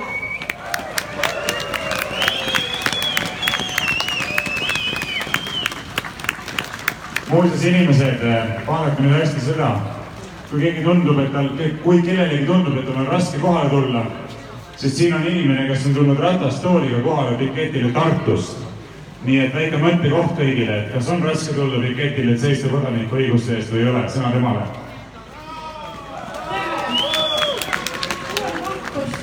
tema räägib umbes kümme minutit. valdavalt eh, isiklikest kogemustest viimase paari kuu jooksul. ka siia tulles, tegelikult mul oli hirm tulla rongi, sest ma ei tea kunagi, kus see politsei, terviseamet valitseb, eriti Balti jaamas. ma kartsin haigust kuigivõrd, sest delta tüvi on võimeline mind kui teise tüübi diabeetikud siiski ära tapma kuid ma mõtlesin veel eile hommikul, et ma sõidin endale kellegi autoga. ei, ei tulnud välja, Tartus kaasa mõtlejaid julgeid ei ole, võib-olla Kaplis neid on, aga julgeid ei ole. ja ma otsustasin täna öösel või isegi eile õhtul, aitab, ma ei karda hingamisaparaati, ma ei karda surma ja ma tulen ikkagi rongiga kohale. ma tahtsin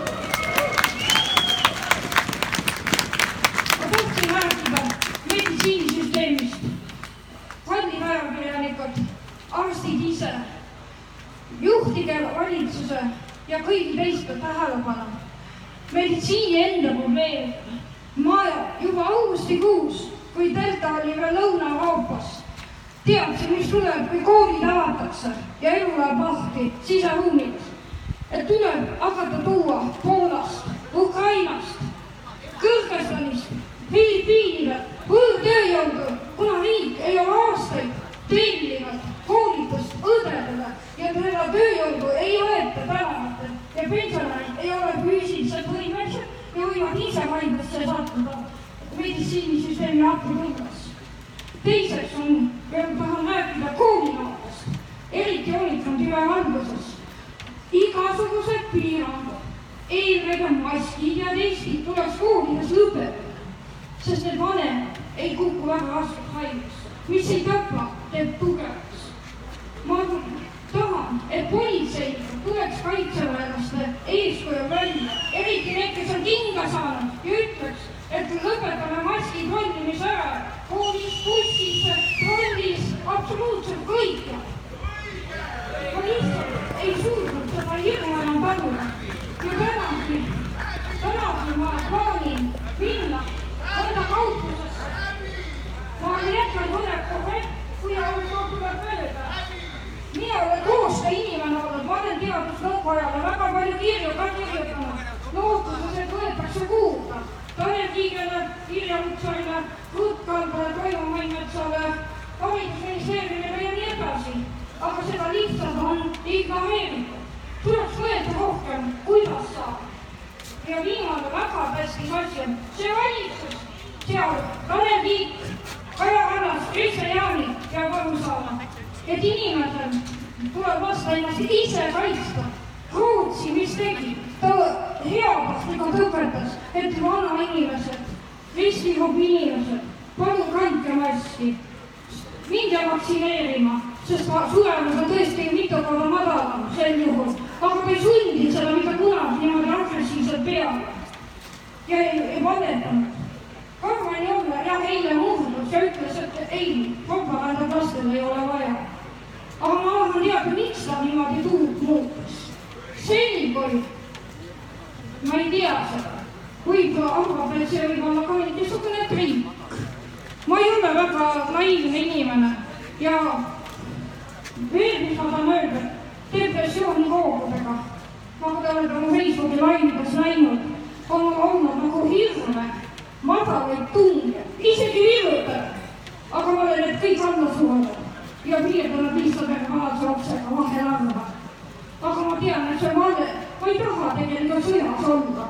ma ei oleks arvanud viis aastat tagasi, et ma pean nii mitu korda võitlema inimõiguste eest ja selle eest, et mõeldakse, kuidas sest haigus on olemas. tänagi tuli teade, et suri kolmekümne nelja aastane meesterahvas. meesterahvastel on tõesti oht suurem, aga see ei tähenda, et meie õigused võib tallata ilma konsulteerimata jalge alla, valimata kõigile pähe surudes. lapsed ja noored tuleb jätta kohe rahule jõudu teile, tulge välja oma nime ja näoga Tartust ja ka kõrgema haridusega inimesed eelkõige. midagi ei ole teha, nemad ei julge välja tulla endiselt. ja Tanel Kiik ja Kaja Kallas, palun lõpetage esimesena see maski kohustus. See ahistab mind aeg. ma poolteist kuud ei julgenud poodi minna, kuna mind visati välja vot selle visiiriga, kuna mul on kerge astma vaata, see suur visiir, mis mul on, eks ole, sellega visati ja trahviti inimesi ja ma ei julgenud välja minna poodi. ma saatsin oma kuuekümne üheksa aastase ema poodi. ma saatsin oma kuuekümne üheksa aastase ema poodi, sest minu närvid tegelikult ei ole terases. Ma ei suuda päris iga päev seda Kristiine keskuses toimunud asja taluda. ma vaatasin selle Kristiine keskuses toimunud laivi eile otsast lõpuni, salvestasin selle, et kui see maha võetakse. see on lihtsalt jube. turvamehed, kus teil on südametunnistus, eriti omikoni puhul, mis ei, kus mask absoluutselt ei aitanud. jah, kes kardavad, kes on riskirühmas kandnud seda nii palju raha, sama on süstimisega, aga ärge sundige seda inimestele peale. Aitäh teile, jõudu! lõpetan mõne päeva. Kristiina on mu nimi ja Facebookis olen ma pidevalt tegev ja kõneleja. suur tänu selle kõne eest. tervist!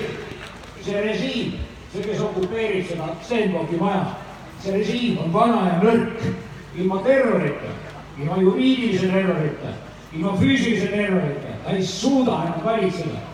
see režiim on mannetu, seal eesotsas on Kaja Kallas ja Tanel Kiik. aga nemad on lihtsalt fassaad, selle taga on kaks vana, nõrka, hääbuvat parteid. üks partei on see puurottide partei, kes kutsub ennast Reformierakonnaks. Nemad on järjest suutnud toota kaks peaministrit, kui sa mõtlesid, et, et see Taavi Rõivas, see külmkapi tagune vend, et sellest hullemaks enam minna ei saa. no tere, tere saab küll, nüüd tuli läbi kukkunud Harju keskmine jurist Kaja Kallas, täielik häbiplekk. Nende valitsuses on kaitseministriks häbi, häbi Kaja Kallas, keskmine jurist. Nende kaitseministriks on mees, kui te vaatate tema CV-d sealtsamast valitsuse kodulehelt. Tema CV-s hakkab tema töö ja haridus üheksakümne viiendast aastast. aga ma ütlen teile seda, mida ta ennem tegi. ta oli Kingissepa rajooni miilits, lõpetanud Nõukogude miilitsakooli Kalle Laanet. Kalle Laanet, häbi! siis selles valitsuses on veel teisi hämmastavaid tüüpe. seal on teisi hämmastavaid tüüpe. seal on üks politseinik, kes on veel siseminister. aga see siseminister on jõudnud sinnamaale, et ta on teinud politsei ja piirivalveametis täieliku miilitsa. häbi, häbi, häbi!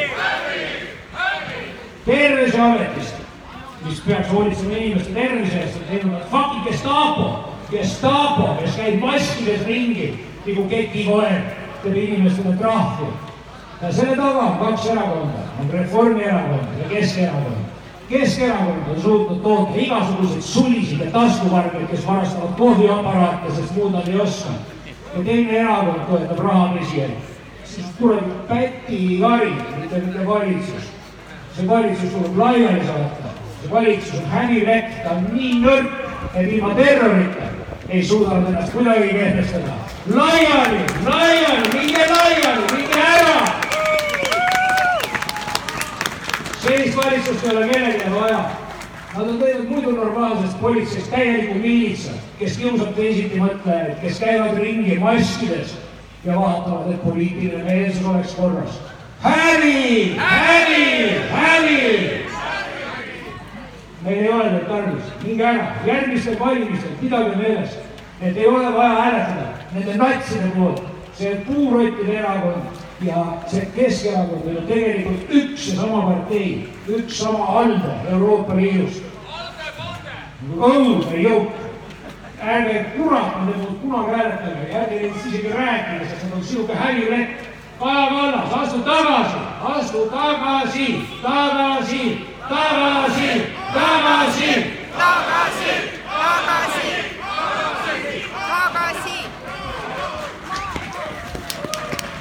Tõepoolest vaja lasta jaamast suvel edasi ja siit äh, Stenbocki majast lahkuma. Anti Poolamets, palun.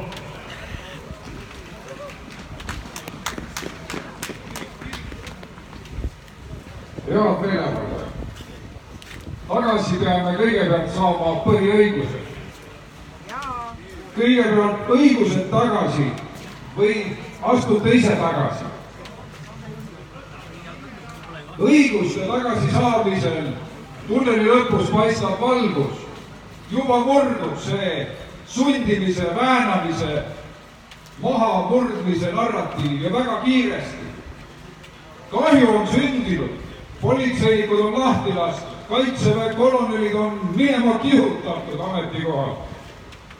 asutustes inimesi vallandatakse, kahju on sündinud. aga siiski selle surve tulemusel on näha tagajärgi. Keskerakond juba kordab, hakkame lõpetama, hakkame pakkima, hakkame pakkima. Kaja Kallas punnib vastu. ei, ei, ei, ei, tuleb veel hullem laine ja kõik on kohe läbi ja kaua ei ole võimalik seda valet üleval hoida, sest nüüd tuli pisikene tegelane nimega Omikron, selle selja taha püütakse pugeda öeldakse, no jah, võib-olla nüüd mõtleme siis ümber ja aga teate, isegi nurka aetud rotile tuleb anda võimalus oma käiku pugeda. anname neile võimaluse Omikroni selja taha pugedes meile põhiõigused tagasi anda. anname neile võimaluse on aeg, on aeg.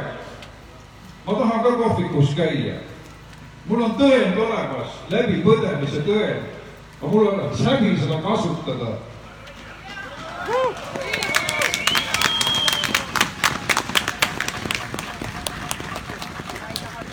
Ma ootan, ma ootan, ma tahan kohvikusse. mul on ainult üks kohvik, kus ma saan käia, see on Riigikogu kohvik, sest nad ei julge meid seal äh, saadiku puutumatuse tõttu kontrollida.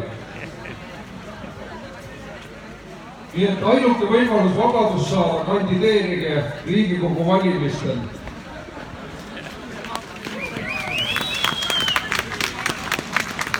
just, tulge ja võtke üle ja siis seisame vabaduse eest täpselt nii nagu kord ja kohus, nagu Ungari parlamendis seistakse suveräänsuse eest kui sul on viiskümmend üks protsenti hääli, siis sa saad teha ikka päris palju. muidu käib üks kauplemine. ja nagu näete, et rahva hääl maksab täpselt nii palju, kui maksis abielureferendumi prügikasti suunamine. oli vaja, oli vaja prügikasti visata. Ja te teate, milliste trikkidega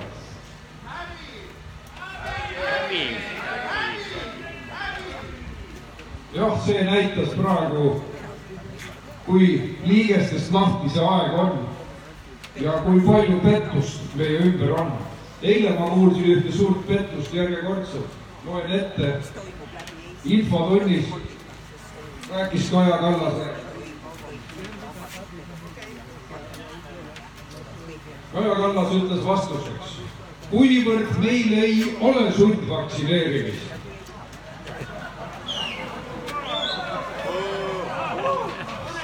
siis vaktsineerimise tase on madal. sest see on vabatahtlik.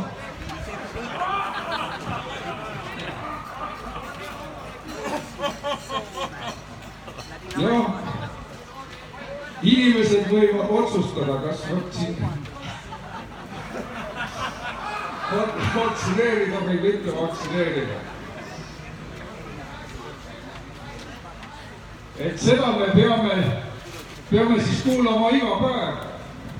ja jah, vot siis ma tunnen, et ma olen palga välja teeninud, et ma pean selle eest mingit rehabilitatsiooni saama. Et ma kuulen teda iga kolmapäev, lihtsalt labast valet.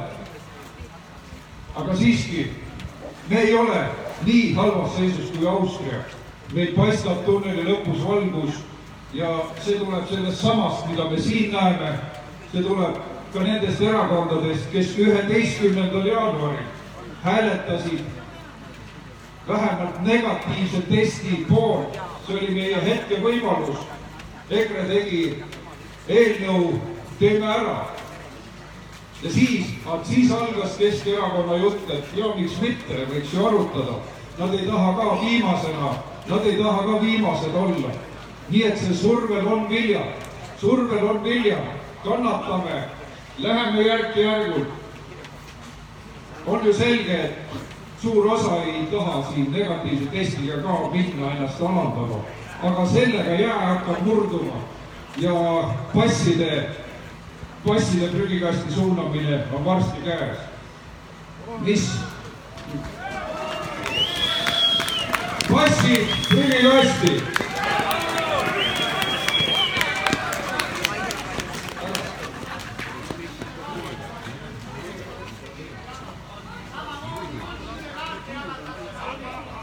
passid prügisse.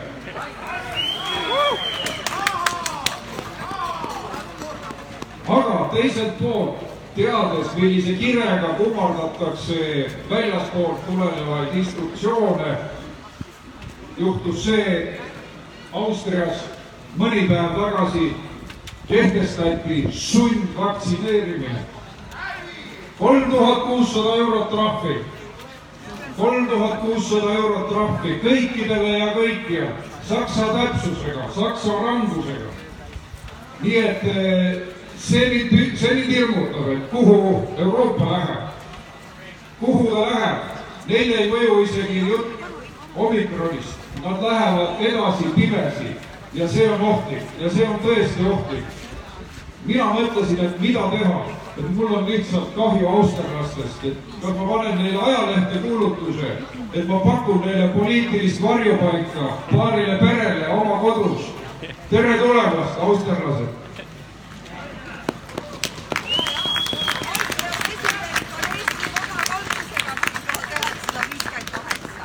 Ja see sundvaktsineerimise tont liigub edasi mööda Euroopat. vaatame millal ta seisma jääb. üks on selge, et gigantseid summasid teenib Pfizer, kelle usalduse aste, ettevõtte usalduse aste on selline, et on vääriskaena USA üheksale miljoni sõjaväelasele ja nende perele vaktsiini eh, ravimeid, õieti ravimeid, millel ei olnud uuringuid, mis olid võltsitud mis olid vale, vale alusel tehtud ja USA valitsus solvus selle peale, tegi neile kahe koma kolme miljardilise trahvi. kuidas te julgete meie sõjaväega üle külvata võltsravimitega? kas meil saab ole, olla automaatne usaldus sellise ettevõtte vastu? Nemad teenivad miljardeid ja miljardeid ja miljardeid selle ümber käib suur madin, kes saab rohkem teenida. selle ümber käib hüsteeria kütmine. sundimise teemal. nii et kui keegi tahab sundida, siis nende aeg on ümber, nende aeg on ümber. aitab, aitab, aitab. võtame vabaduse tagasi. Usume oma võitu ja varsti on võit käes. elagu Eesti! aitäh, Anti Poolamets, Riigikogu liige, EKRE fraktsioon. hea nali muuseas äh, räägiti mulle, et äh, seal olid mõned meeleavaldajad ja kuna meil on siin kõlarid, mis äh, toituvad generaatori peal, siis küsisin, et huvitav, kas valitsusel ei ole raha elektriarve maksmiseks et teil Genekas käib siin no tundub, et ei ole, ei, meie valitsuselt energiat ei kerja, me paneme oma generaatori ise käima ja tuleme siia valitsuse ette, et oma kodanikuõigusi kaitsta veel isikuid, kes soovisid sõna.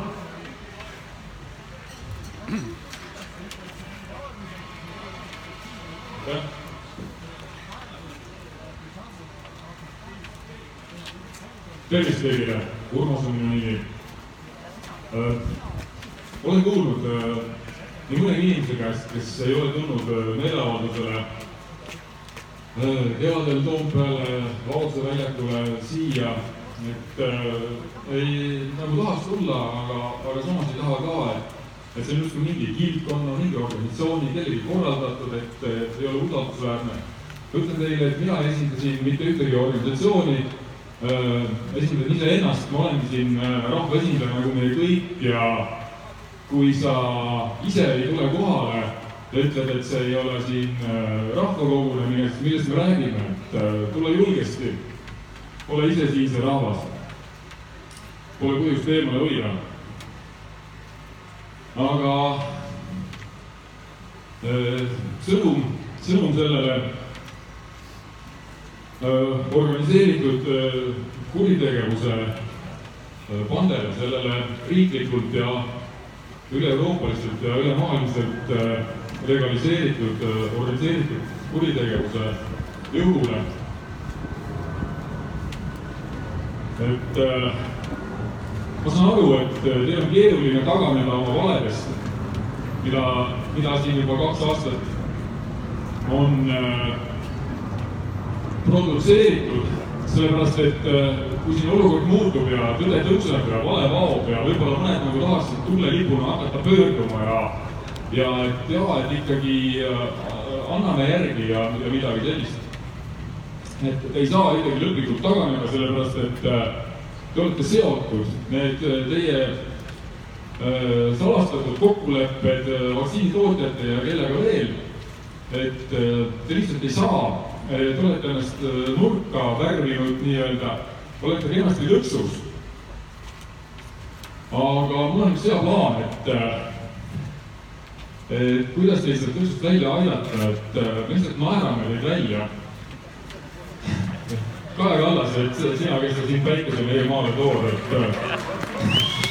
lubage naerda. jaa. nii. Ma ootan vaikust. ma ootan vaikust. et äh,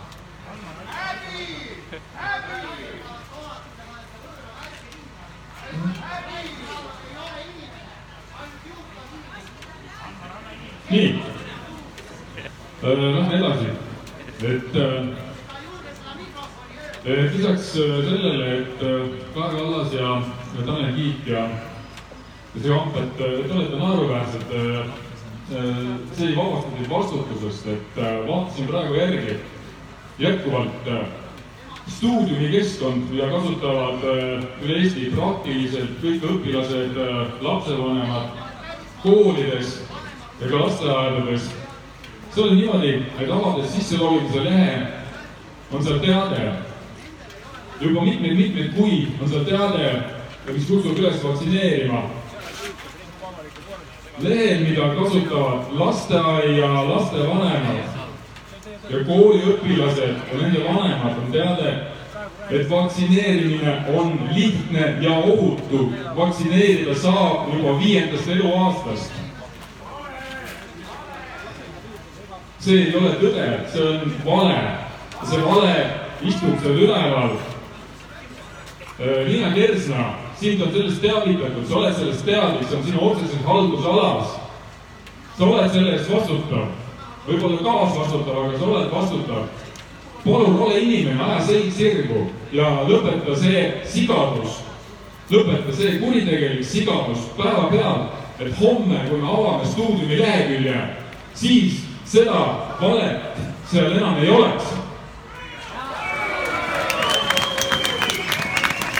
Plakatit siin, laste allutamine vaktsiinipasside süsteemile on kuritegelik, igasugune kallutamine lapsi süstima lõpetamata ohutusuuringutega ainetega on kuritegelik.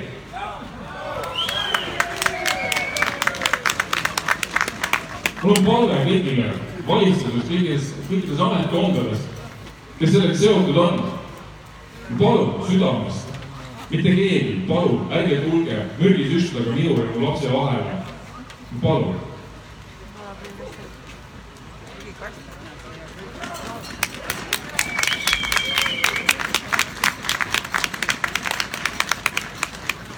aitäh.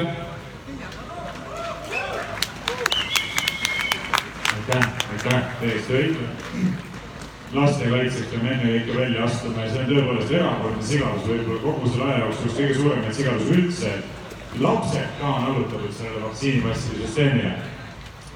muuseas, ma tahtsin öelda esiteks seda, ma tahaksin Mariann Joonasele kasutada sõna, ma tean, et ta on valmistanud kõne ette ja tagasihoidlik inimene muidu ise esile ei astu ja ma ühtlasi vabandan selle punase jope härrasmehe pärast, et tegemist on ilmselgelt provokaatoriga, ärge tema provokatsioonidele palun alluge.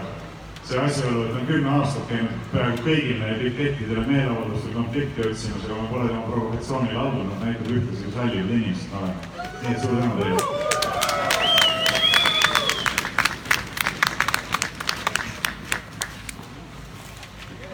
aitäh, ma tegelikult just enne otsustasin, et oi, et ma selle oma ettekande teen järgmisel korral, aga hästi uh,. ma ei saanud üle ei õhtu lund ja siis ma tegelikult kirjutasin ühe laulu uh,. ma ei ole just selline riigilaulu fänn, aga mul millegipärast tuli see laul ja ma väga paluksin, et aitaksite selle kõik koos mul ette kanda, see on hästi lihtne, ma laulan ette, te vaatate järgi seisame siin Toompeal jälle, seisame siin Toompeal jälle. valitsusel mingi hälve, valitsusel mingi hälve.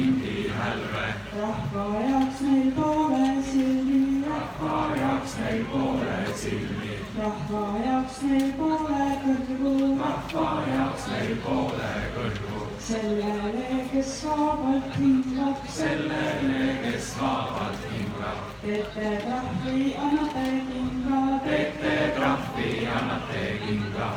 Teie tahti kepi järgi, teie tahti kepi järgi.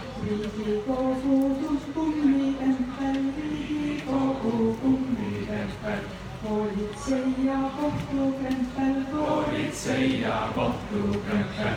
teaduse kauge mõjukoga, teaduse kauge mõjukoga faktikontrolli sõduri, faktikontrolli sõduri.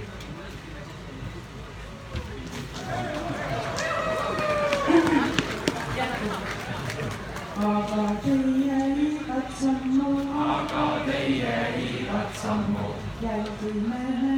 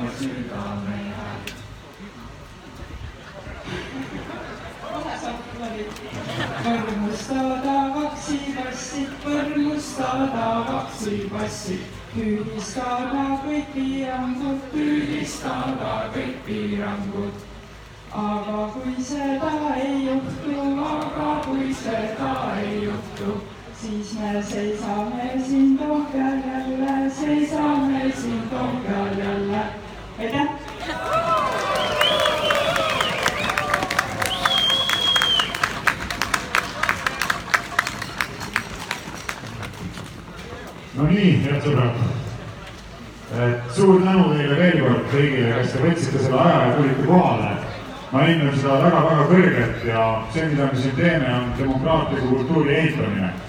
et tõepoolest meie demokraatlik kultuur on veel lühike. meid rahvana ei usaldata, riigivõimu juures olevad inimesed ei usalda meid. kaheksateist aastat pole teatavasti ühtegi referendumit toimunud, kordagi pole lubatud inimesi riigivõimu riigielu seisukohast oluliste otsuste langetamises osaleda peaaegu kahekümne aasta jooksul. Aga meie näitame, et tõeline demokraatia eeldab aktiivseid kodanikke, kodanikke, kes ei ole laisad, kellel pole ükskõik, kes on valmis midagi oma vabast ajast või mugavusest ohverdama selleks, et seista meie ühiselt oluliste põhimõtete kaitsel. nii et ma siiralt, siiralt tõesti tänan teid kõiki, tänan ka veel kord selle eest, et me pole allunud provokatsioonidele, ei tee seda edaspidi. Ja järgmisel nädalal kohtume jälle, tõepoolest teil vähegi võimalik, võtke kaasa sõber või kaks ja kasvatame selle osalejate ringi siin varsti juba viiesajale inimesele ja siis veelgi enamale ja seisame nii kaua, kuni see apartheidirežiim on langenud, olete nõus? Kaja Kallas, Tanel Kiik, teie aeg saab varsti ümber, nautige oma küpsiseid, kuni neid veel jätkub